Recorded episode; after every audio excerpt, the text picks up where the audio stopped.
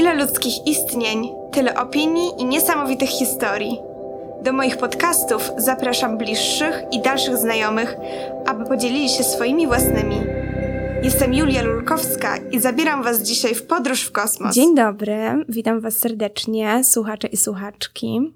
Dziś gościem mojego podcastu będzie kolorowy ptak, niebanalna osobowość, e, osoba, która prawie zawsze zaskakuje mnie tym, co odpowiada na, na moje pytania, na, na moje wypowiedzi. Moim gościem jest Dominik Szatkowski. Dzień dobry. Dzień dobry. dziękuję, że przyjąłeś moje zaproszenie. O, dziękuję bardzo za zaproszenie. Bardzo się cieszę, że możemy się tutaj spotkać i porozmawiać o wszystkim i o niczym. Czy to jest twój pierwszy podcast? Tak, to jest mój pierwszy podcast. E, czuję się bardzo nieswojo tutaj w tym pomieszczeniu, gdzie nic nie słychać, ale e, myślę, że, że damy radę. Rozkręcimy się. No dobrze. Powiedz mi, e, jak to się stało, że znalazłeś się w Warszawie?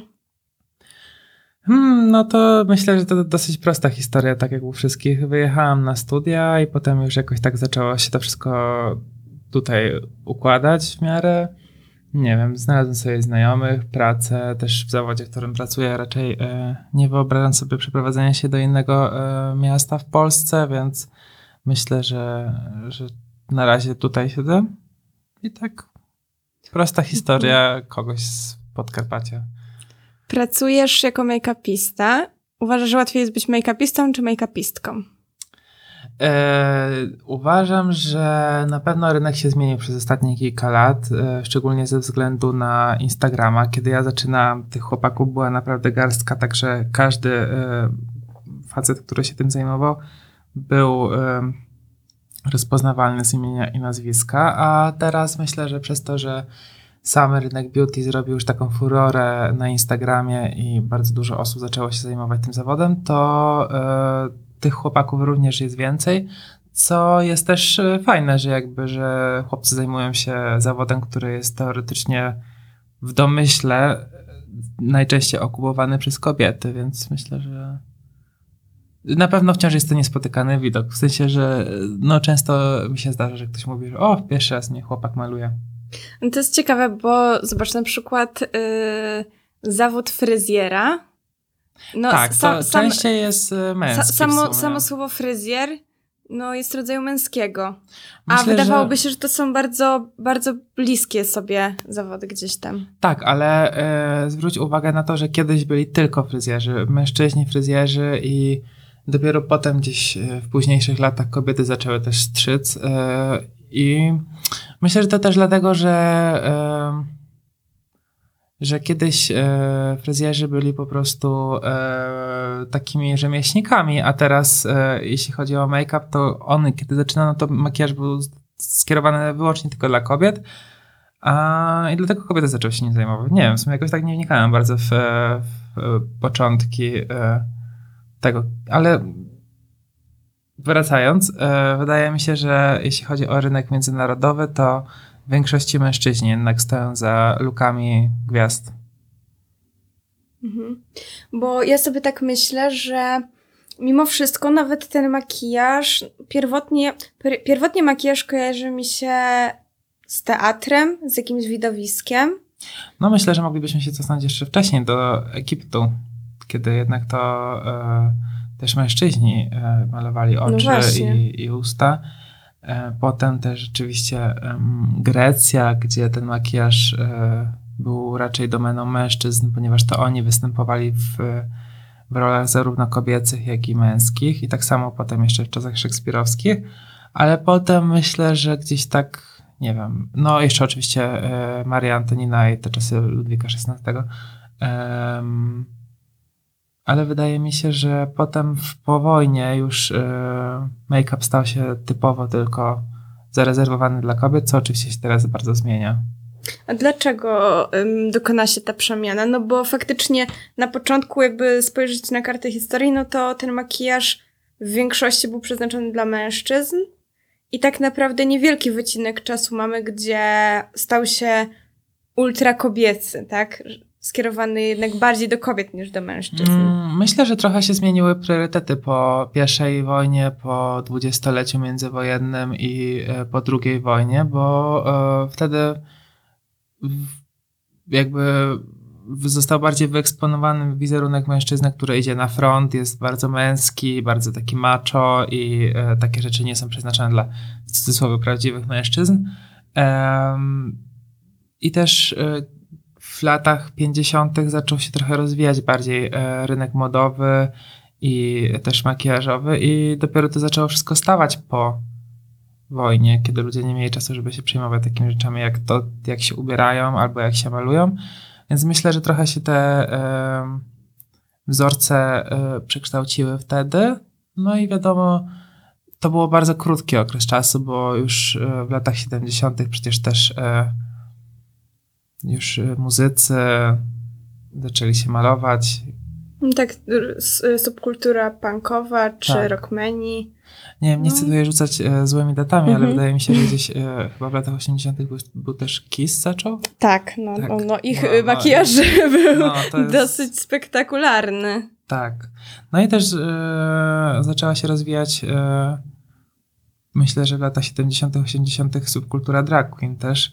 To jest jakby wiadomo całkowicie inną e, kategorią, ale e, no też ten makijaż stał się bardziej taki uniseksowy i, zaczął być popularniejszy po prostu. Też zaczął się rozwijać makijaż e, estradowy i klubowy, więc Tak. Mhm.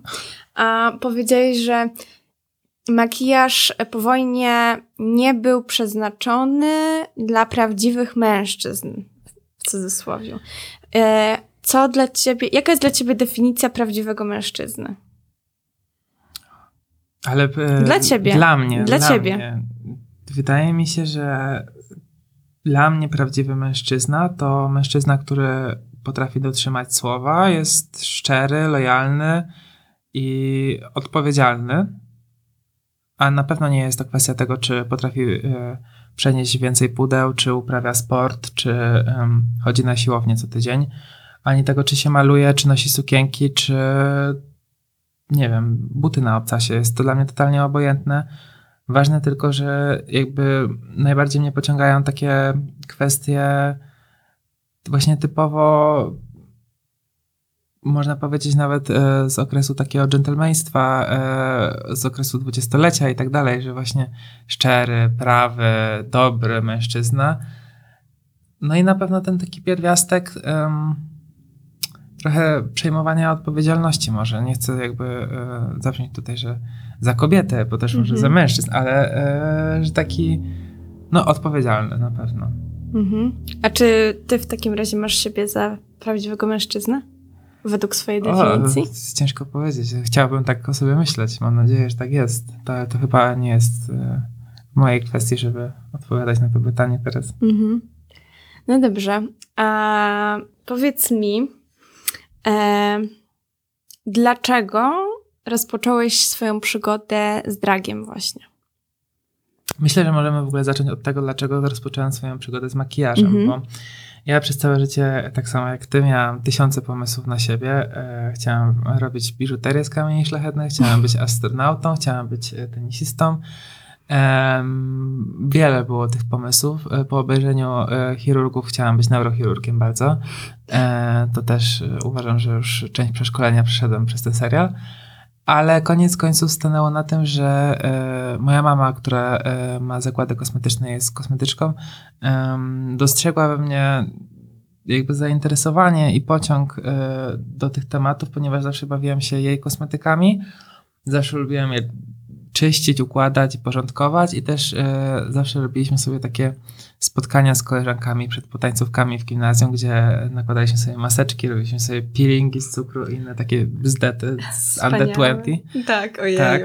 Dzisiaj jak Mm. pomyślę o tym, co tam było w tych No, to, maseczkach. były, to były najważniejsze Ale- kosmetyki mojego Tak, życia. oczywiście. Ja, moją ulubioną była, nie wiem czy kojarzysz, była taka niebieska, taka przeźroczysta peel-off e, z Tak, Under 20, taka tak. chyba miała cytrynę na opakowaniu. No, było. Aż No. tak dobrze nie pamiętam tego, ale. To była moja ulubiona. tak, no. Ale właśnie dlatego, że była peel-off i wtedy to czułam, że to jest taka prawdziwa maseczka. No, jeszcze e, lekko koloryzowane pomadki z Nivei też. tak. No. E, I jakoś tak skończyło się na tym, że sam nie wiedziałam za bardzo, w którą stronę pójść już w trzeciej liceum, a to już była najwyższa pora.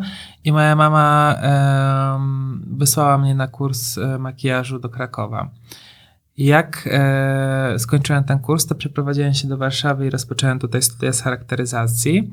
I pamiętam, że byłem bardzo zaangażowany. Wcześniej byłem zaangażowany w cosplay, a potem zacząłem być bardzo zaangażowany w makijaż, w peruki. I jakimś dziwnym trafem odkryłem RuPaul's Drag Race. Wtedy jeszcze w ogóle nikt o tym nie wiedział. To był bodajże mm, wychodził dopiero trzeci sezon, czy tak, trzeci sezon wychodził, więc to lata temu było. Jeszcze w Polsce to w ogóle wszyscy myśleli, że zwariowałem, że interesuje mnie drag queen, ale oglądałam, pamiętam, na torrentach e, wszystkie stare sezony i sobie myślałem, że zdecydowanie to jest droga, w którą chcę pójść. Um, znaczy, niekoniecznie drag, tylko taka bardziej sceniczna, jeśli chodzi o kostiumy, o makijaże, o przeskalowanie, o maksymalizm, o trochę karykaturę. I byłem mega zachwycony, nawet pokazywałam moim koleżankom na roku e, właśnie jakieś fragmenty e, z laptopa. E, I potem pamiętam, że dwa, trzy lata temu bodajże, chyba dwa lata temu, nie wiem, w każdym razie e, kolega mi kiedyś powiedział, że jest coś takiego jak e, bal ubożeny. Pozdrawiam serdecznie Bożne, jeśli kiedyś będzie nas słuchać. E, gdzie po prostu można przyjść przebranym za drag i wziąć udział w konkursie. I dla mnie to wydawało się takie niesamowite, że to wszystko jest tak na dobrą sprawę na wyciągnięcie ręki, bo to jeszcze to nie było takie popularne na Instagramie. I to było dla mnie takim niesamowitym przeżyciem emocjonalnym, że mogę to wreszcie zrobić, mogę stworzyć tą postać i wyjść do ludzi w miejscu, w którym jakby nie muszę mieć żadnych kontaktów, nie muszę mieć żadnego przygotowania, żeby e, przejść w dragu. I to był mój pierwszy, e, pierwszy występ właśnie, poprzedzony oczywiście wieloma nieudanymi próbami, jeśli chodzi o makijaż. E, tak, do dzisiaj pamiętam pierwszy, ws- e, pierwszy strój i pierwszy makijaż na balu Bożeny i to było uch, jeszcze nie było tyle, tyle tutoriali na YouTubie, więc e, no, to były dobre czasy. A co daje ci ta możliwość przeobrażenia siebie w jakąś inną postać, w, w ogóle kreowanie, proces kreowania tej postaci? Wiesz co,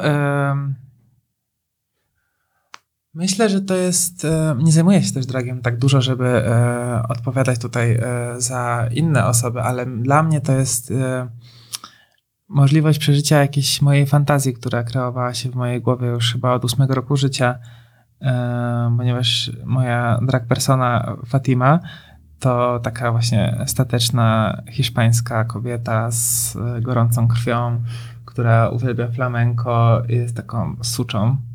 E, więc no, gdzie indziej mogę ubrać kieckę z falbanami, mocny make-up i być tą osobą. Jakby mogę być nią zawsze w sercu, ale jeśli chcę ją wydobyć na zewnątrz, to tylko właśnie w dragu. Więc myślę, że, że to jest najfajniejsze w to, że em, najfajniejsze jest to, że ja w 100% wierzę w tą historię. Jakby wierzę w Fatimę, wierzę w, w całą tą kreację i yy, szczerze mówiąc, to nie obchodzi mnie to, czy komuś się podoba ten styl dragu, który akurat nie e, mi się podoba, albo moje występy. Raczej chodzi o to, że naprawdę ja w swojej głowie jestem w innym miejscu wtedy. I to jest na pewno wolność, którą daje drag każdemu. Czy Fatima ma takie. Jest twoim alter ego, ale czy macie jakieś wspólne cechy charakteru? Myślę, że e, takie trochę staropanieństwo, ponieważ ja też e, mentalnie jestem 80-letnią kobietą, raczej niż 25-letnim chłopakiem. Em, Dominik przyszedł dzisiaj e, tutaj na nagranie z krzyżówkami. Tak. 400 panoramicznych, e, polecam bardzo. Krzyżówki to fantastyczna sprawa. Em, jest dużo lepsza niż Candy Crush Saga, w to na to jestem wciągnięty. E, w każdym razie, e, czy z Fatimą mamy jakieś punkty wspólne? Myślę, że to są raczej e, rzeczy, które ja bym chciał mieć. W sensie taki totalna siła w kontaktach międzyludzkich, pewność siebie, raczej takie te, tego typu rzeczy. Czy coś wspólnego? Nie wiem, no myślę, że, że jedno ciało mimo wszystko. A tak to raczej wszystko jest kreacją, Bo powiedziałeś, marzeniem. Mhm, powiedziałeś pewność siebie. I ja jak cię poznałam na początku, to wydawałeś się być taką dosyć zamkniętą osobą. A jak poznaje się ciebie bliżej, to widać, że jesteś tak naprawdę bardzo otwarty i szalony. I to, w jaki sposób rozmawiasz z ludźmi, nie wskazuje na to, że jesteś niepewny siebie.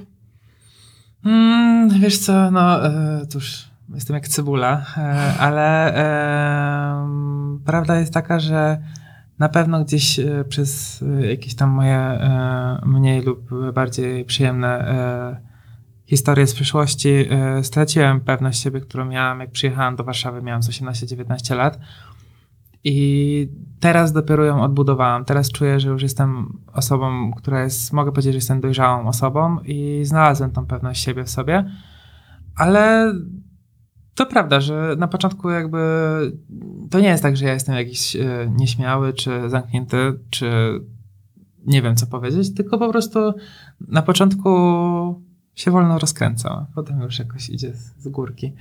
Ale jeśli chodzi o pewność siebie, to jest coś, co, e, co straciłem i co nauczyłem się odzyskiwać. Myślę, że też przez samą akceptację i przez to, e, co słyszałem wiele, wiele razy przez wszystkie swoje lata, że wszystko jakoś będzie, wszystko się unormuje, że musisz po prostu zacząć czerpać radość z życia i mieć trochę bardziej wyjebane i wszystko za tym pójdzie. Zawsze sobie myślałem, że to jest jakiś straszny bullshit z Pinteresta i w ogóle z e, jak tekst tych napisów e, Love, Love, Live e, i nie wiem, jakoś totalnie w ogóle tego nie kupowałam, ale naprawdę dla wszystkich, którzy mają wątpliwości i nas słuchają i uważają, że ich życie jest beznadziejne, 25 to nowe 18.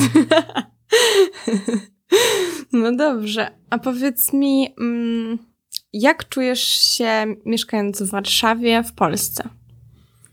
Mhm. No cóż, to e, rozmawiając o tym po wyborach, to chyba nikt nie ma na to e, pozytywnej odpowiedzi. Niestety.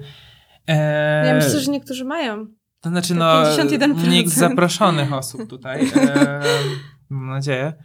E, no, niestety, no, dla mnie, będąc osobą homoseksualną w Polsce, e, osobą, która zajmuje się takim, a nie innym zawodem i wygląda tak, a nie inaczej, nie wpisującą się totalnie w normy e, społeczeństwa polskiego, to życie jest dosyć ciężkie. Nie mogę tutaj udawać, że jestem jakoś strasznie prześladowany albo że jestem, mam gorszą sytuację niż inne osoby żyjące w małych miastach, ale e, no ja wiem, że mój czas w Polsce jest policzony, mimo tego, że chciałbym tutaj zostać też ze względu na rodzinę, na to, że to jest mój dom i na to, że jestem realnie rzecz biorąc dobrym obywatelem, który odprowadza podatki, pracuje w Polsce, e, to jednak jestem za emigracją. I to tak w niedługim czasie, tylko skończę studia. Mhm. Wydaje ci się, że nie ma perspektyw e, na to, żeby coś w najbliższym czasie w Polsce się zmieniło? Żeby Polska była bardziej przyjaznym miejscem do mieszkania, do życia, do rozwijania się, siebie i, i też... Wydaje mi się, że e, trzeba wierzyć, że za trzy lata w wyborach e, do Sejmu i do Senatu może się coś zmienić, może się zmienić rząd i wiem, że wszyscy, którzy walczyli o inny rząd niż aktualny, będą się starali, żeby do tego doprowadzić, ale jednak z drugiej strony mam wrażenie, że przez te trzy lata również aktualny rząd i e, wyborcy e, karmieni nienawiścią i e, strachem, myślę, że urosną też e, w siłę, więc e, czy coś zmieni się w Polsce? Trochę na to tracę nadzieję, szczerze mówiąc. Wydaje mi się, że, że trzeba podjąć decyzję, wiele osób musi podjąć decyzję, czy zostajemy tutaj i umieramy w tym kraju w taki sposób, w jaki jesteśmy traktowani, czy po prostu wyjeżdżamy i szukamy swojego nowego miejsca na ziemi. No jakby uważam, że żyjemy w takich czasach, że każdy może mieszkać wszędzie. Na przykład, nie wiem, no twoim miejscem może być Nowy Jork, moim może być Antarktyda. Jakby myślę, że każdy może znaleźć swoje miejsce i jest y, go wystarczająco dla ludzi. I trochę jest mi przykro, że e, mam 26 lat, 25 lat i chciałbym korzystać z życia, a niestety muszę się pałować tym, czy aby na pewno nikomu nie będzie przeszkadzało to, jak wygląda w metrze. Mhm. Jakby, no to są kwestie, które, e, które nie chcę, żeby zaprzątały mi życie po prostu. Jakby chciałbym zmienić coś w Polsce, ale Uważasz, że nie da się tego zrobić? Że nie. mm, No bo żeby, żeby dokonać jakiejkolwiek zmiany, to, to trzeba czasu, poświęcenia, walki, energii. Uważasz, że mimo wszystko wkładając właśnie to, tą energię swoją, czas i pracę, mm, realnie nie da się nic zmienić? Hmm, wiesz co, e, na pewno super jest to, że młodzi ludzie są zmotywowani, że młodzi ludzie idą na wybory, że głosują za właściwymi wyborami, że głosują przeciwko nienawiści i są za e, wspólnotą, a nie podziałem. Ale czy coś da się zmienić? Nie wiem, ponieważ e, fanatyzm i e, bezmyślność nie tylko takich skrajnie prawicowych środowisk, ale także ludzi, którzy wybierają jednak tą prawicową e, opcję i e, nakręceni przez e, telewizję publiczną mówią o tym, że e, homoseksualiści to pedofile, zboczeńcy. Jakby nie rozumiem. Robiłem kiedyś taki e, artykuł na temat e, tego, czy pary jednopłciowe powinny e, mieć dzieci, czy nie powinny mieć dzieci i w ogóle odsetek tego, odsetek dzieci wychowywanych przez pary jednopłciowe, które doświadczyły molestowania jest mniejszy niż 1%, ale z kolei odsetek e, dzieci, które są wychowywane przez pary jednopłciowe, które odebrały wyższe wykształcenie, to jest 95%. Więc myślę, że naprawdę jednak biorąc statystyki pod uwagę, nie można powiedzieć, że geje to pedofile, kurwy, dziwki i tak dalej. No jakby, nie wiem, no trochę się martwię, że niestety część tego starszego elektoratu musiałaby wymrzeć po prostu, żeby... Mhm. Więc y, nadzieja jest na pewno, ponieważ y, wszystkich dni są policzone, a karma to dziwka. Skąd y, bierze się fanatyzm w takim razie? Ze strachu na pewno. Tak mi się wydaje przynajmniej, że e, ze strachu, z takiego kreowania e, sztucznego wroga. Przy poprzednich wyborach e, Andrzej Duda e, wygrał na tym, że e, nakręcili wszystkich na uchodźców z kolei, ponieważ ten problem był dosyć głośny na całym świecie, więc nakręcili ich na uchodźców, ale no tak mm, trochę się rozmazał ten problem. W niektórych jeszcze jakaś tam zadra pozostała w stosunku do osób z e, krajów arabskich, ale jednak teraz to siadło tak na bardzo na podatny grunt, bo okazuje się, że Polacy bardziej nienawidzą gejów niż Arabów. E, I to się strasznie rozwinęło też, wykreowanie takiego wroga, wykreowanie w ogóle ideologii LGBT, co jest, jest po prostu czymś, czego ja nie jestem w stanie pojąć. E, Traktowanie, sp- spłycanie tysięcy ludzi, milionów ludzi do jakiejś ideologii wyimaginowanej, która ma w ogóle za zadanie em, rozbić polską rodzinę. I powiem do wszystkich, ja mam w dupie polskie rodziny. Nie interesuje mnie to w ogóle. Obchodzi mnie moja rodzina, ale nie obchodzi mnie w ogóle ingerowanie w czyjąkolwiek rodzinę. I to samo wy się, tym samym wy się powinniście zająć, więc skąd się bierze fanatyzm? Myślę, że z otchłani piekła. No ale zobacz, mm, Polska jest takim państwem, które bardzo dużo przeżyło w swojej historii. I doświadczyliśmy wielu nieprzyjemnych rzeczy, tak delikatnie mówiąc, e, na przestrzeni właśnie historii naszego państwa. Jak ludzie, którzy pochodzą z państwa, są, przod, e, są potomkami ludzi, którzy doświadczyli właśnie tego całego zła, wynikającego w dużej mierze z, właśnie z fanatyzmu, wynikającego z nietolerancji, z dostrzegania różnic, najczęściej irracjonalnych. Jak, e, jak to się stało, że po tylu latach zapomnieliśmy o tym i, i sami st- staliśmy się tymi fanatykami, e, zamiast walczyć z podziałami, to je tworzymy. No i spójrz, jakie to jest przykre, że e, po tym wszystkim, co Polska przeżyła, jednak najbardziej dotknięta chyba w czasie I i II wojny, tutaj przez Hitlera, przez e, faszystów. No i wychodzimy na ulicę i robimy to samo. Rozumiesz, że to jest dla mnie absurdalne, że na przykład e, widziałam zdjęcia z e, marszu teraz z okazji powstania, rocznicy powstania warszawskiego, gdzie e, na siedzibie e, lewicy, partii Razem chyba, Mhm. wywiesili e, baner powstań przeciwko faszyzmowi. No bo o tym było powstanie. Jakby powstańcy powstali przeciwko faszyzmowi. A te tłuki rzucają w nich kamieniami pokazują faki i ściągają te banery. No jakby, bo co, bo oni wiedzą lepiej, o czym było powstanie? Wiesz, jakby wyszedł ten filmik, który wrzuciła e, grupa Stonewall z e, dwiema kobietami, które są powstańczyniami. Em, no i filmik jest wzruszający, wiadomo, e, wszyscy podawali go sobie dalej, po czym ja sprawdzałem komentarze i tam ludzie wyzywają mnie od lewackich kurew. Wiesz, starsze kobiety, które widziały jak ich bliscy po prostu giną na ich rękach praktycznie, które e, ryzykowały swoje życie za to, żebyśmy mogli normalnie dzisiaj chodzić po ulicą i mówić po polsku, a ludzie próbują w ogóle to jakoś tak zmanipulować, że one w ogóle chuja wiedzą, co, o co chodziło w tym powstaniu, że oni wiedzą lepiej, nie? Że to w ogóle teraz ludzie, którzy mają 30-40 lat, oni wiedzą lepiej, o co chodziło w tym powstaniu, że te baby sobie walczyły o coś innego, ale powstańcy walczyli jednak o prawicową, mocną polską rodzinę, chłopak, dziewczyna, kotlet schabowy. No wiesz, jakby jaki to jest absurd. Te kobiety były na powstaniu, są powstańczyniami. Za niedługo ta garstka powstańców, która jeszcze żyje, no niestety odejdzie w niepamięć i,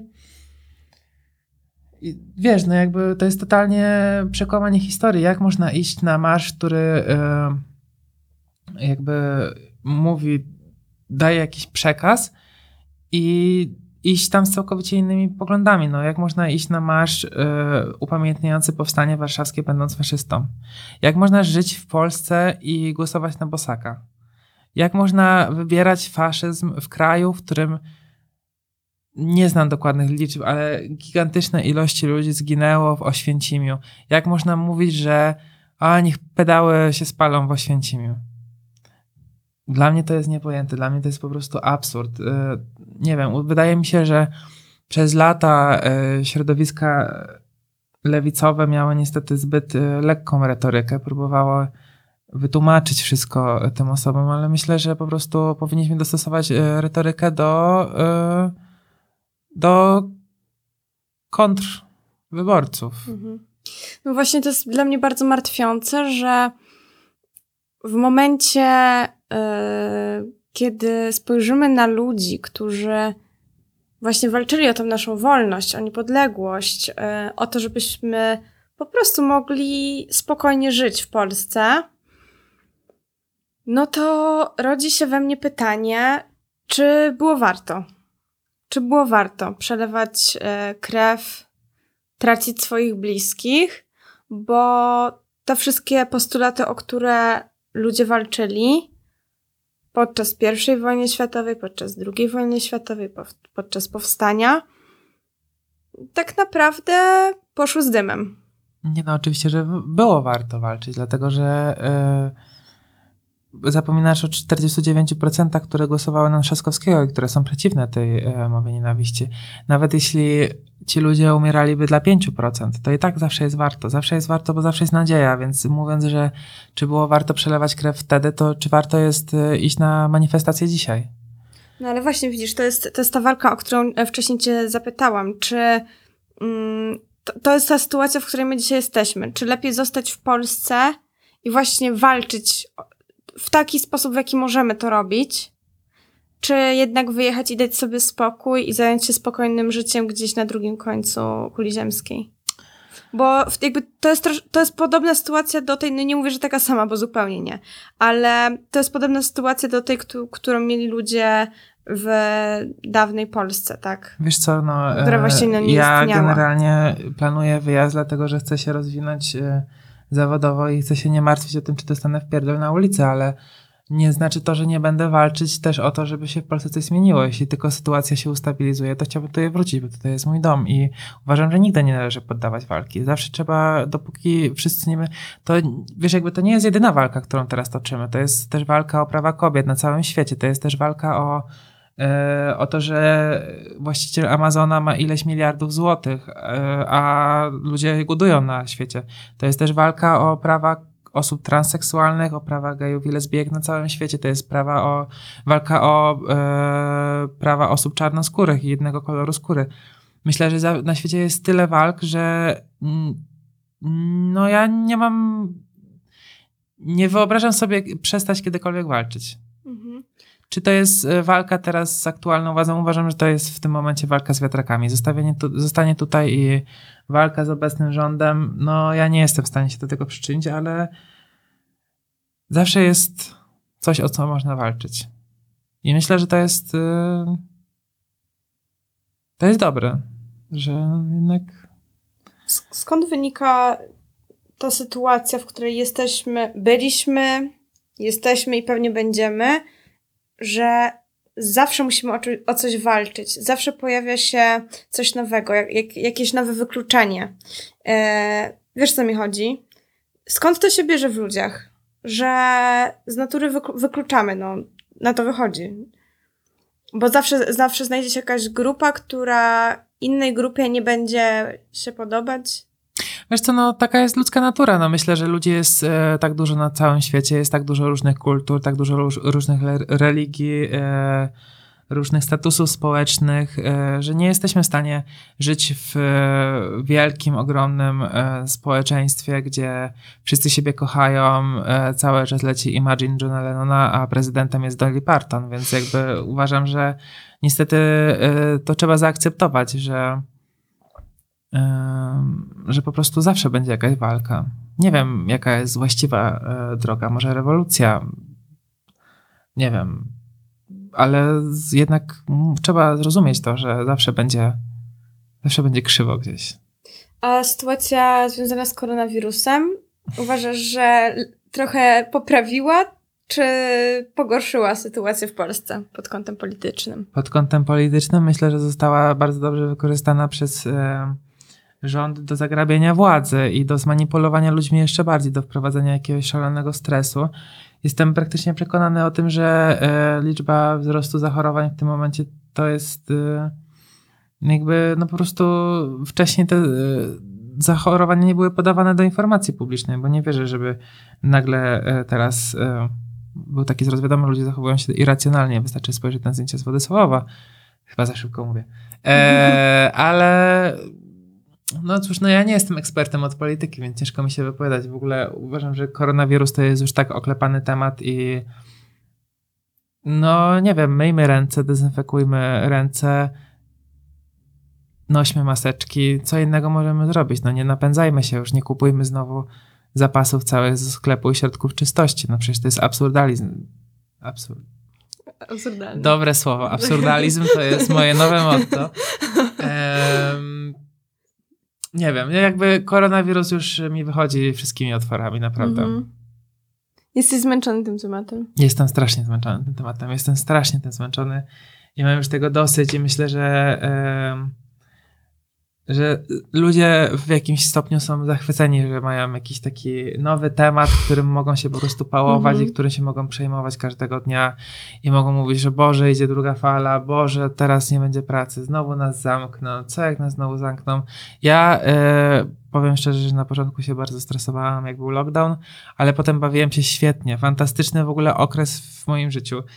Pierwszy raz w życiu miałam, nie miałam w ogóle żadnych wyrzutów sumienia, ponieważ y, nie było tak, że ja nie pracowałam z własnego wyboru albo robiłem sobie urlop, tylko nikt na świecie nie pracował. I mogłem siedzieć i oglądać mrówki w ogrodzie u rodziców. Naprawdę było cudownie, piękne czasy. Czy chciałbym, żeby był kolejny lockdown? No, y, ja może tak, mój portfel mniej, ale ogólnie dobrze będę wspominać ten okres. No, bardzo mi jest przykro oczywiście, że wszyscy ludzie zachorowali, część zmarła, ale Mhm. Wydaje mi się, że to jest właśnie kwestia umiejętności spędzenia czasu ze samym sobą. O, ja jej zdecydowanie nie posiadam. To ja musiałam pojechać do, do swojego rodzinnego miasta i męczyć rodziców, żeby e, uzyskać ten zen. E, więc, e, nie, nie jestem osobą, która jakoś. Chociaż może się trochę tego uczę, w sensie, że jestem, e, jestem na lepszej drodze na pewno. Ja zazwyczaj niestety, jak jestem sam, to e, tylko potrafię oglądać Netflixa i spać. Więc tak z tym spędzaniem czasu samemu to tak średnio w sumie. Jakie jest twoje ulubione miejsce w Warszawie? Moje łóżko. Em, moje ulubione miejsce w Warszawie. To jest bardzo ciężkie pytanie. Bar studio? Wiedziałam, że to powiesz. No chyba w ostatnim czasie. Znaczy, no na pewno w lecie, a e, tak ogólnie moje ulubione. je- Jest kawiarnia, którą lubię bardzo, fabryczna na Powieślu. To jest em, jedno z moich ulubionych miejsc na pewno. Dlaczego lubisz to miejsce? bo mają taką niesamowitą łazienkę, w której, w której po prostu czuję się najbezpieczniej na świecie, dlatego że jest tam ciemno, jest, ta łazienka jest mała i leci taka bardzo spokojna muzyka, więc to jest w ogóle fan... Ja, jak się, jeśli kiedykolwiek będę mieć swoje mieszkanie, to tak będzie właśnie wyglądać. Czyli jeśli byłby koniec świata i, i szukałbyś schronu, to chciałbyś być e, w tej łazience? Hmm, ja bym chciał być w takim miejscu, jak kojarzysz tą e, scenę z Pachnidła, gdzie on ukrył się w takiej jamie, e, w której nie było żadnych zapachów, Mhm. no to mniej więcej tego typu, tylko bez żadnych dźwięków też. Okej. No. Także... e, A co, co cię najbardziej porusza? Obraz, dźwięk czy zapach właśnie? Obraz, dźwięk czy zapach? Myślę, że dźwięk raczej. Powiedziałbym, że e, muzyka mnie bardziej wzrusza niż filmy. Jeśli chodzi o zapachy, to jestem totalnym laikiem. Raczej mam e, nos e, babci z PRL-u. Uwielbiam różane zapachy. Mhm. mm, były takie perfumy kiedyś, e, przypomnij mi jak się nazywa. Pani Walewska. Pani Walewska, tak. No, fantastyczny zapach. E, tysiąc razy lepszy niż cokolwiek produkowanego teraz. Mm, no, muzyka na pewno. Muzyka to jest coś, co towarzyszyło mi całe życie. Niestety e, totalna atonalność z mojej strony. Nic, e, ani jeśli chodzi o instrumenty, ani o wokal, ale e, słuchawki, za każdym razem jak zgubię słuchawki, to to jest straszny płacz i to trwa maksymalnie jeden dzień, więc muzyka zdecydowanie... Dominik jest największą fanką Shakiry No, na e, świecie. Na świecie to może nie, ale, ale tak, Shakira zawsze to jest, bo ona mnie fascynuje jako osoba, gwiazda tego formatu, którą każdy zna i żadnego skandalu na koncie. No to jest piękne. Jak się to robi? Myślę, że tak, to się robi tak, jeśli nie masz parcia na to, żeby, w sensie, nie chcę zabrzmieć źle. Ym, ja na przykład, mnie nie obchodzą moje zasięgi na Instagramie, lajki, nie obchodzi mnie to, ile osób mnie zna, obchodzi mnie to, czy dobrze wykonuję swoją pracę. Mam wrażenie, że Shakira jest też trochę taką, ma mentalność pięciolatki, że e, cały czas ma 40 lat i cały czas biega na bosaka i śpiewa radosne piosenki o miłości, więc e, też swoje robi na pewno, ale dzięki temu wygląda jakby miała 20, No tak, to prawda. a rusza się jakby miała 25. Gdybyś mógł się zamienić e, na jeden dzień z kimś e, sławnym, to byłaby to Shakira? Nie, mm, już kiedyś o tym myślałam. Mhm. Jeśli mógłbym się zamienić y, w kogoś sławnego, to y, byłaby to Nicole z Pussycat Dolls. Oh my god. No, bo chciałbym po prostu poczuć, co to znaczy tak przepięknie wyglądać przez jeden dzień. Myślę, że bym po prostu siedział w sypialni i patrzył w lustro, ale Nie chciałbyś być na scenie chociaż przez chwilę? nie, wiesz co... ym, nie, chyba. Nie wiem, nie, nie, nie myślę o tym w tych kategoriach, raczej tak... ym, nie, nie, nie, nie mam odpowiedzi na to pytanie. Ale jeśli miałbym poznać kogoś sławnego, to zdecydowanie byłaby to Jennifer Lawrence. Mhm. Uważam, że minuta i bylibyśmy najlepszymi przyjaciółmi. Ja, ja jak myślę o tym, kim bym chciała być przez jeden dzień, to totalnie nie wiem, ale na pewno chciałabym, e, chciałabym być na scenie, chciałabym występować przed No jakąś jasne, dziką publiką. I no, myślę, że to, to jest niesamowite. Mieć, być kimś, kto ma ogromny talent jakiś, wokalny. Myślę, że spokojnie możesz skoczyć któregoś, w któryś weekend do glamu i zrobić tam furorę. Choć trochę się spełni to marzenie. No ale to nie to samo, to nie taka milionowa publiczność, wiesz. No przesadziłam trochę z, tą liczbą, ale Milionowa publiczność. No, nie wiem, musiałabyś chyba być prezydentem Stanów Zjednoczonych. a, to by było ciekawe. Ja myślę, że bym była super e, politykiem, bo lubię występować i lubię też e, czuć się ważna, więc bycie po- i, i kłócić się też lubię, jak wiesz. Wiesz co, y, ja też wydaje mi się, że ogólnie byłbym dobrym politykiem, tak poważnie rzecz biorąc. Myślałam o tym y, wiele razy i myślę, że byłbym dobrym politykiem, tylko jedna rzecz, która y, mnie zniechęca, żeby kiedykolwiek być politykiem, to jest to, że nie możesz po prostu w pewnym momencie powiedzieć, że masz dosyć i odchodzisz. W sensie, no nie możesz zawieść tych ludzi, którzy na ciebie głosowali, nie możesz jakby powiedzieć sobie, och, pierdolę, idę spać, nie? Po prostu musisz być dla tych ludzi i to jest straszna odpowiedzialność, która myślę, że mnie by wykończyła prędzej czy później, bo jednak no to jest duża odpowiedzialność. Czy w takim razie uważasz, że lepiej być e, przysłowiowym, zwykłym, szarym człowiekiem niż kimś e, sławnym? Myślę, że najlepiej jest być szczęśliwym, ale czy jesteś sławna, czy jesteś szarym człowiekiem, czy jesteś kimś na średniej półce, myślę, że to wszystko nie ma znaczenia, bo sława niekoniecznie. Wiadomo, można sobie żartować, że ja też e, bardzo chciałbym być muzykiem. Sony, jeśli mnie słucha, to bardzo chętnie e, jakiś e, podpiszę jakiś, e, record deal. Em, ale czy, czy sława tak na dobrą sprawę da ci szczęście? Nie. Myślę, że szczęście dadzą ci ludzie. To jest jedna rzecz, której na pewno nauczyłem się przez lata. Zawsze mi się wydawało, że jestem w stanie sobie poradzić bez ludzi. Em, Potem wydawało mi się, że nie jestem w stanie sobie poradzić bez chłopaka. A teraz okazuje się, że nie mogę sobie poradzić bez ludzi, ale dam sobie radę bez chłopaka. Mhm. Więc y, myślę, że do wszystkiego dochodzi się z czasem. Porozmawiamy jeszcze za 15 lat i będzie całkowicie inaczej. Będę po pięciu rozwodach. E, ale. Będę płakiwać każdy. Ja nie. E, wydaje mi się, że. że sława to jest. O ile robisz dobrą robotę, to nie musisz być sławna. Mhm. W sensie to Czyli się sława jest potrzebna ludziom, którzy mm, nie do końca robią dobrze to, co robią? Nie, uważam, że sława jest. y, Ludzie sławni są potrzebni zwykłym, zwykłym ludziom. Jednak. Do czego? y, Do tego, żeby mieć jakieś wzorce, jakieś ideały. No jak popatrz, jak świetnie sobie radzi y, Instagram. Ludzie scrollują i patrzą na te laski, y, które po prostu są wyciągnięte w Photoshopie i jedzą tylko plasterek sera przez tydzień. I myślą sobie, że ja też tak kiedyś będę wyglądać. Jeśli na pewno, jeśli będę mocno ćwiczyć, to też tak będę wyglądać. No to jest też bardzo zgubne. Ja nienawidzę Instagrama. Codziennie rano wstaję i modlę się, żeby zniknął. Ale em, Nie wiem, czy wiesz, TikTok jest już e, nielegalny w Stanach. TikTok Taka- jest Mhm, nielegalny? Jest nielegalny.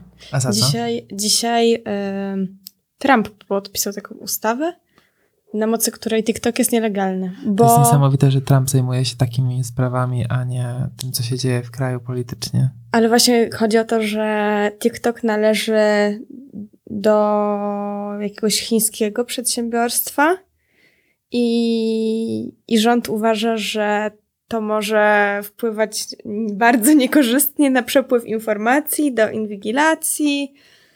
I, no i TikTok od dziś chyba już, czy od wczoraj, nie wiem. No, to się stało dosłownie przed chwilą.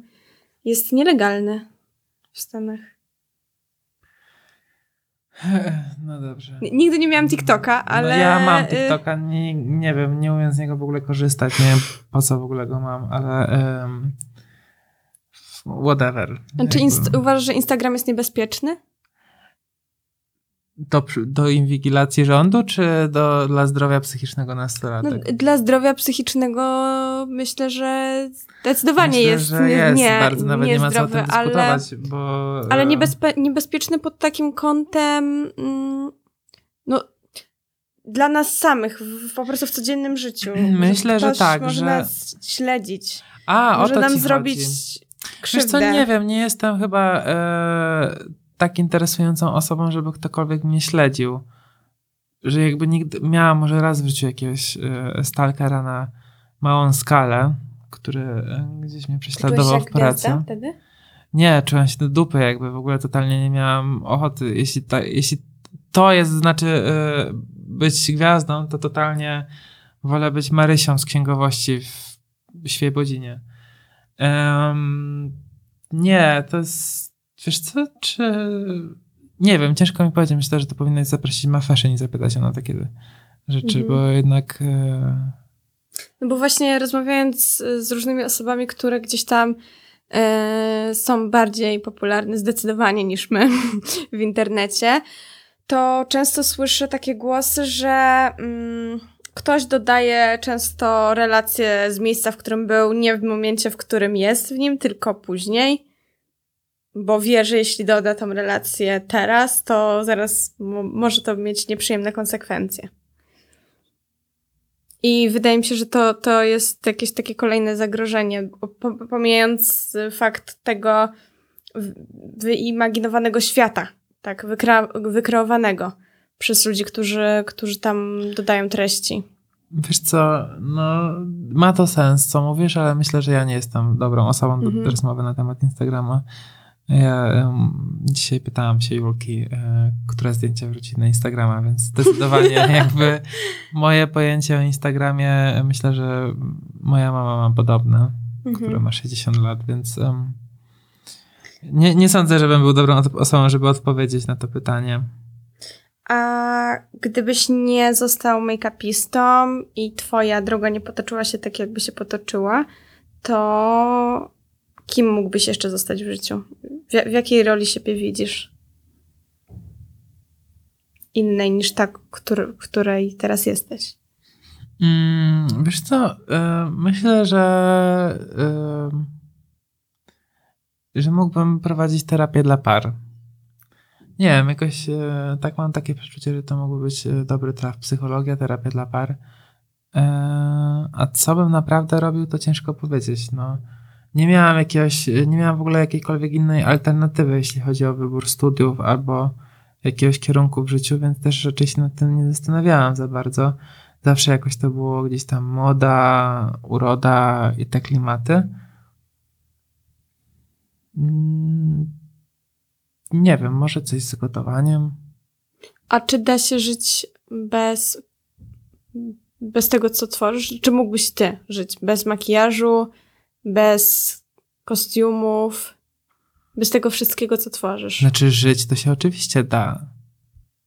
To ja jakby nie ratuję świata. Mam tego pełną świadomość, że to nie jest coś, co y, w ogóle jakby sprawia, że świat idzie w lepszą stronę, ale jakie to by było za życie? Ktoś kiedyś y, ostatnio napisał pod y, postem, gdzie tam za, moja redakcja zapostowała artykuł, który pisałam, że em, dlaczego ludzie, coś w stylu, że dlaczego ludzie się tyle malują i używają tylu kosmetyków, że e, dlaczego nikt nie chce być już szarym, zwykłym człowiekiem. Jakby, okej, każdy może być szarym, zwykłym człowiekiem, ale czy nie jest lepiej, jeśli jest te kilka osób, które jakby nadają temu wszystkiemu sens? Wiesz o co chodzi? Jeśli by nie Mhm. było, nie wiem, gdyby Adele nie wprowadziła kresek, to przez gimnazjum wszystkie moje koleżanki nie nosiłyby kresek. Jeśli Katy Perry nie miałaby prostej grzywki na pierwszej płycie, to nikt by nawet nie wiedział, czym jest pin-up. Wiesz o co chodzi, że to ludzie myślą, że takie rzeczy ekstrawa- ekstrawaganckie zarezerwowane są tylko dla gwiazd, ale potem, tak jak Diabeł ubiera się u Prady, to wszystko po prostu się mieli, mieli i trafia nawet do takich najbardziej szarych mas. A czy da się w ogóle być taką słownikową, szarą osobą? No, to oczywiście, że się da. W sensie, są ludzie, którzy żyją tak przez całe swoje życie. To my po prostu urodziliśmy się z jakimś takim dziwnym pożądaniem blichtru i, i kariery. No ale wiesz, bo myślę sobie o tym, że nawet taka pani Halinka, która mieszka na wsi, to ona też ma jakąś swoją osobowość i na tej wsi, gdzie mieszka 100 osób, no to też każdy ją zna i wie, wie kim ona jest. Mm, Wiadomo, to jest kwestia skali, ale wydaje mi się, że ludzie są na tyle jacyś, ka- każdy, każdy człowiek jest na tyle Uwierz jakiś. mi, że poznałam kilkoro osób, które nie miały żadnej osobowości. To nawet, nawet nieposiadanie osobowości nie było ich osobowością. Byli po prostu Mhm. totalnie Możesz mieć rację, bo ostatnio też poznałam taką osobę. taka, Nawet że, kilka. że znałem tą osobę przez e, rok z kawałkiem i dzisiaj to bym nie był w stanie ją poznać na ulicy. Mhm. Tak bardzo nie zapadła mi w pamięć, że nie pamiętam jej twarzy. A mam pamięć fotograficzną, więc myślę, że są tacy ludzie. Ale myślę, że to super jest e, to, że jest coraz więcej osób, które chcą eksperymentować ze swoim wyglądem, wizerunkiem. Jak ja chodziłem do liceum, do gimnazjum, to naprawdę tych osób, które em, jakby jarały się jakimś konkretnym trendem, było bardzo mało. Było trochę chłopców, którzy jeździli na deskach, trochę chłopców, którzy słuchali hip-hopu, były dziewczyny w miniówkach z ostrym makijażem, były, byli metale, punki, ale tego wszystkiego było bardzo malutko. A teraz praktycznie każdy nastolatek, przynajmniej nie wiem, 70-80%, jakby inspiruje się czymś, ma jakąś stylówę, jakby coś do pokazania w ubiorze, we włosach, wiesz, jakby w, to się rozwija i to jest fajne, że też e, często to jest niestety powielane jeden do jednego, ale fajnie, że, że jest taka bardziej różnorodność. No dobrze, że już nie ma tych czasów, kiedy my musieliśmy nosić mundurki w szkołach. Pamiętam straszne okropne. czasy. Miałam najgorsze mundurki na świecie, bo Nie, miałem gorsze. To były takie, to były polarowe takie bluzy na suwak, ale mm, ponieważ no, trzeba było nosić ten mundurek przez cały rok, to jakiś geniusz wpadł na pomysł, żeby te rękawki były odsuwane, takie, no po prostu na suwak, więc przez pół Myślę, roku... że to był Christian Paul. tak, być może. P- przez pół roku, kiedy było mega zimno, to po prostu nie można było opuścić rąk do dołu całkiem, bo te suwaki się wbijały po prostu w pachy i to tak mega bolało. Aha. A przez y, kolejne pół roku, mimo tego, że te polarki miały odsuwane te rękawy i stawały się bezrękawnikami, czyli najbardziej irracjonalną rzeczą, jaka istnieje na świecie, no to nadal było w nich tak gorąco, że każdy siedział na tej sali lekcyjnej totalnie zapocony po prostu. Więc myślę, że ten projekt Myślę, nie był każdy. najbardziej udany. Myślę, że każdy ma jakąś traumę związaną z mundurkami. Em, Jaki kolor miały twoje mundurki?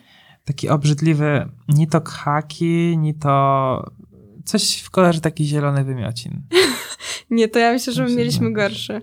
To był jakiś taki dziwaczny, turkusowy, ale taki... Nawet nie umiem go określić do końca. To było coś przedziwnego, naprawdę coś przedziwnego.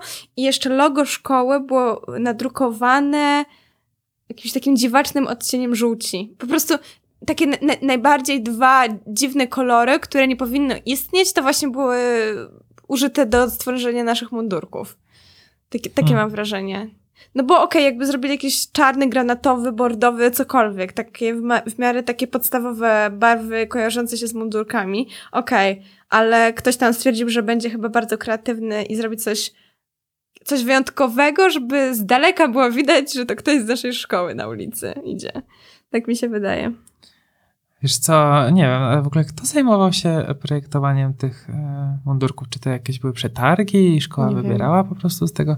Nie wiem, to, tak zacząłem teraz o tym myśleć, ale e, w ogóle to jest śmieszne, że po latach ludzie zaczynają się zastanawiać nad takimi rzeczami, zaczyna do, do nich docierać jakieś takie różne pytania. Ja na przykład sobie zdałam sprawę wczoraj, że e, byłem na zielonej szkole w czwartej klasie i moją panią wychowawczynią bardzo bolał, e, bolała głowa po tym, jak e, przez wieczór e, dobrze się bawiła z innymi paniami wychowawczy, wychowawczyniami i zdałem sobie sprawę, że miała kaca po tylu latach. To było 18 lat temu. Ja zrozumiałam, że ona miała kaca, a nie głowa ją bolała. Więc myślę, że tak, myślę, że skończmy na tym po prostu. No dobra. Ja bardzo Ci dziękuję za to, że dzisiaj mnie odwiedziłeś. Myślę, że w pięknym momencie kończymy tę rozmowę w ogóle Na mundurkach. na mundurkach i kacu mojej wychowawczyni. Tak. E, życzymy Wam, żebyście nie musieli nosić już nigdy mundurków, żebyście mogli być tym, kim tylko sobie wymarzycie. E, żebyście żyli w szczęśliwym miejscu, sami byli szczęśliwi i, i nie uprzykrzali życia innym. I polecamy zacząć rozwiązywać krzyżówki. Tak. Panoramiczne najlepiej. 400, super. Może być więcej. Jak ktoś 400 się czuje na taki- siłach. 400 to jest taki dobry Opty- początek. optymalne takie. Tak, dobry Mhm. początek. No. No dobrze. No to ja tobie też życzę, żebyś żebyś po prostu był szczęśliwy w swoim życiu. Ja tobie też tego życzę. Dziękuję. O. Mamy nadzieję, że zostaliście z nami do końca, że miło wam się słuchało naszej dzisiejszej rozmowy. No i zapraszam was na kolejny odcinek już za tydzień. Do zobaczenia. Pa! Pa, pa. Dziękuję Wam za wysłuchanie kolejnego odcinka Kosmosu i zapraszam Was do śledzenia moich profili na Instagramie i na Goat.